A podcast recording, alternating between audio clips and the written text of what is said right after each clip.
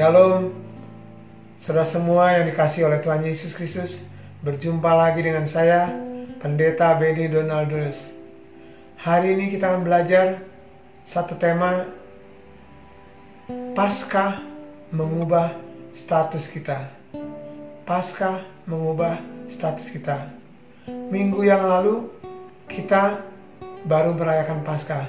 Kita tahu berita Paskah adalah berita tentang kematian Yesus di kayu salib untuk memikul semua dosa kita, dosa seluruh manusia. Lalu dia mati di kayu salib, dikuburkan, dan bangkit pada hari yang ketiga. Dan oleh, kemati, oleh kebangkitannya, Yesus mengalahkan maut, Yesus juga membebaskan kita semuanya. Supaya semua kita yang percaya pada Yesus tidak binasa, tetapi beroleh hidup yang kekal. Amin. Nah, kita belajar apa sih status kita yang diubah lewat peristiwa Paskah. Kita baca dulu ayatnya dalam firman Tuhan. Di dalam 2 Korintus 5 ayat 17. Dalam 2 Korintus 5 ayat 17 berkata demikian. Jadi siapa yang ada di dalam Kristus, ia adalah ciptaan baru, yang lama sudah berlalu, sesungguhnya yang baru sudah datang. Jadi lewat Paskah bagi saudara dan saya yang percaya dan menerima Tuhan Yesus, kita disebut ciptaan baru. Nah, kalau ciptaan baru itu punya status. Kalau manusia lama kita kita tadi sudah sebutkan kan, sebagai manusia lama kita orang terkutuk, orang berdosa, orang yang harus binasa. Status kita sebut anak-anak kegelapan, bahkan disebut kadang-kadang jadi hamba kedagingan. Tetapi lewat Paskah Tuhan mengubah status hidup kita. Nah kita belajar, amin. Dikatakan tadi, yang lama sudah berlalu, yang baru itu datang. Ada status baru yang kita terima dari Tuhan Yesus lewat peristiwa Paskah. Yang pertama, status kita yang pertama, kita disebut anak-anak Allah. Anak-anak Allah, status kita ya. Dalam Yohanes 1 ayat 12 dikatakan, setiap orang yang percaya pada Yesus dan menerima Yesus sebagai juru selamatnya, maka Tuhan memberi kuasa pada dia menjadi anak-anak Allah. Jadi ingat, di dalam Yesus oleh Paskah itu kita dijadikan anak-anak Allah. Itu yang pertama. Sebagai anak-anak Allah, maka kita tahu dalam kitab Roma Injil apa surat Roma dikatakan bahwa kita menerima warisan dari surga. Bahkan yang luar biasa, saya selalu katakan, sebagai anak-anak Allah, kita itu dilindungi oleh Tuhan Yesus. Dan si jahat tidak dapat menjamai. Itu status kita. Yang kedua, status kita adalah menjadi imam-imam. Menjadi imam. Saya tahu imam itu bicara tentang yang melayani Tuhan untuk mempersembahkan korban, yang menyembah Tuhan, itu imam-imam. Yang mengadakan ibadah, itu adalah statusnya imam Tubuh kita disebut bait Allah, bait Roh Kudus, bait Allah dan kita menjadi imam-imam. Di dalam 1 Petrus 2 ayat 9 dikatakan, "Kamulah bangsa yang terpilih, imamat rajani, bangsa yang kudus, umat kepunyaan Allah yang telah dipindahkan dari kegelapan ke dalam terangnya yang ajaib." Bahkan lebih jelas lagi di dalam Wahyu 1 ayat 6. Wahyu 1 ayat 6 dikatakan lebih jelas. Memang bahasa Indonesia-nya dikatakan kita menerima suatu kerajaan, imam-imam. Tapi bahasa Inggrisnya bagus sekali. Bahasa Inggrisnya berkata gini, Tuhan Yesus membuat kita menjadi raja-raja dan imam-imam. Raja-raja dan imam-imam. Atau imam-imam dan raja-raja. Yang mana duluan. Jadi status kita yang kedua adalah menjadi imam-imam bagi Allah.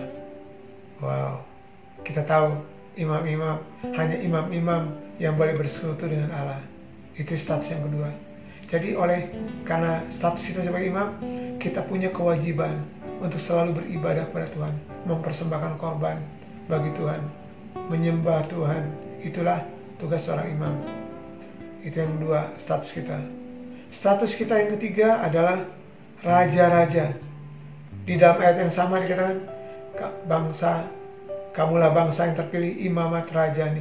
Tetapi di dalam Wahyu 1 ayat 6 tadi dikatakan saudara, Tuhan Yesus membuat kita, membuat kita ya, sebagai imam-imam dan raja-raja bagi Allah. Jadi kita ini raja. Yang imam status kita yang ketiga sebagai raja-raja. Saya tahu Yesus disebut raja segala raja. Nah, siapakah segala raja itu? Segala raja adalah umatnya. Orang-orang yang sudah tebusnya dijadikan raja-raja yang akan memerintah bersama Tuhan Yesus pada masa kerajaan seribu tahun nanti yang akan datang. Waktu Yesus datang kembali ke bumi dengan semua orang kudusnya, Yesus akan memerintah di bumi selama seribu tahun seperti yang tulis dalam kitab Wahyu. Amin. Status kita jadi raja-raja. Kita akan memerintah bersama Tuhan Yesus selama seribu tahun nanti di dalam masa kerajaan seribu tahun. Sebab pada masa itu, saudara, semua orang-orang kudus yang sudah tetapkan menjadi raja sesuai firman Tuhan akan memerintah bersama Yesus. Itu yang ketiga. Yang keempat, status kita adalah menjadi bangsa yang kudus. Bangsa kudus. Kalau saudara baca di dalam kamus Alkitab, saya nanti cari kata kudus. Orang-orang kudus atau bangsa yang kudus itu adalah orang-orang yang dikuduskan oleh Roh Kudus. Nah, kita dikuduskan oleh Roh Kudus. Waktu kita menerima Tuhan Yesus, Roh Kudus datang memateraikan kita. Roh Kudus datang memateraikan kita dan menjadikan kita bangsa yang kudus. Wow, luar biasa kan? Bangsa yang kudus bukan bang, bukan bangsa duniawi, tapi semua yang dikuduskan oleh Roh Kudus disebut menjadi bangsa yang kudus, orang-orang kudus. Kita disebut orang-orang kudus. Saya senang disebut orang kudus. Saya senang sekali. Bukan saya mengatakan saya orang kudus, tapi firman Tuhan menjadikan kita firman Tuhan mengatakan kita dijadikan bangsa yang kudus oleh Paskah. Lewat kematian dan kebangkitan Yesus, kita dikuduskan menjadi orang-orang kudus. Itu status yang keempat. Status yang kelima,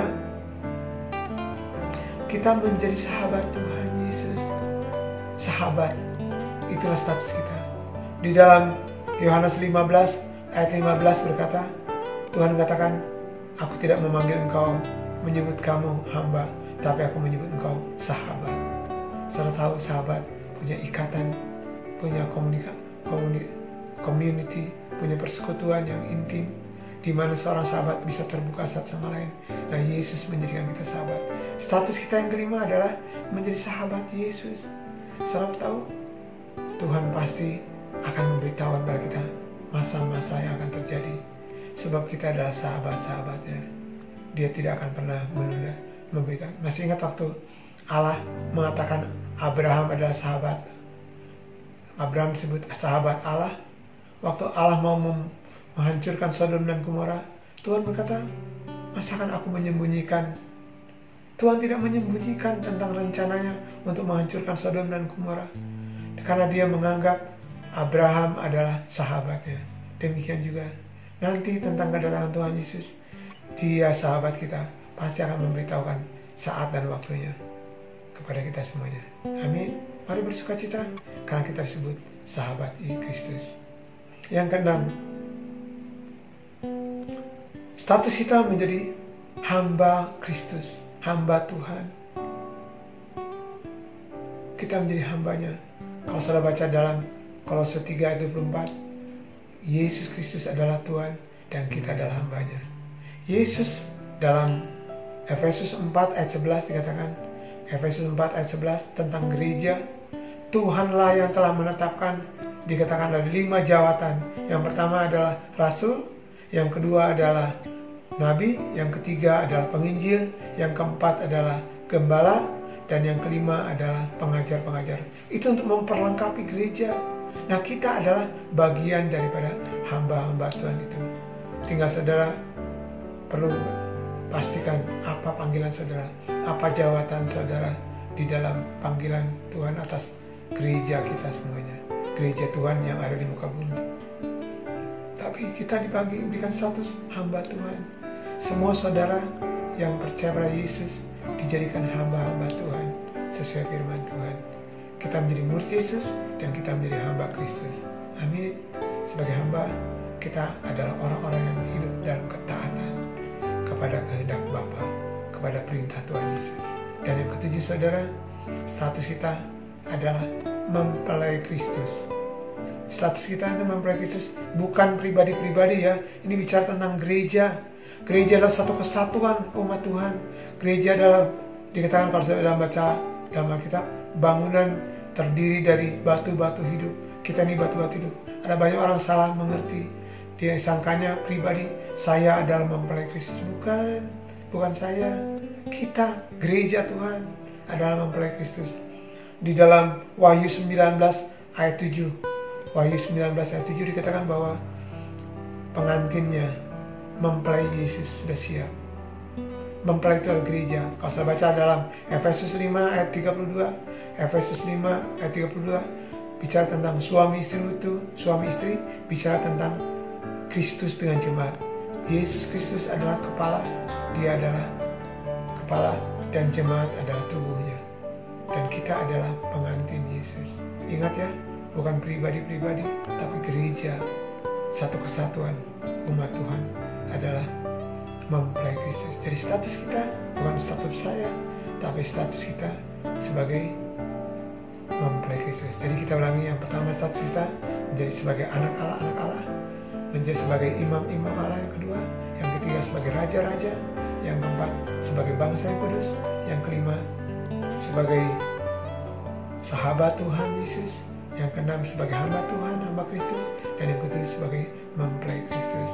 Kalian saudara, mari jaga kita adalah ciptaan baru, kita punya status. Mari hidupi semua kita hidupi dengan ketaatan. Kita bersyukur ada Roh Kudus yang menolong kita, membantu kita.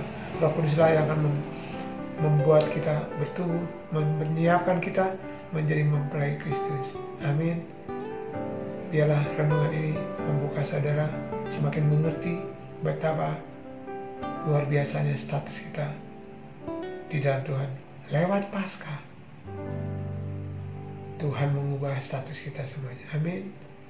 Tuhan Yesus memberkati.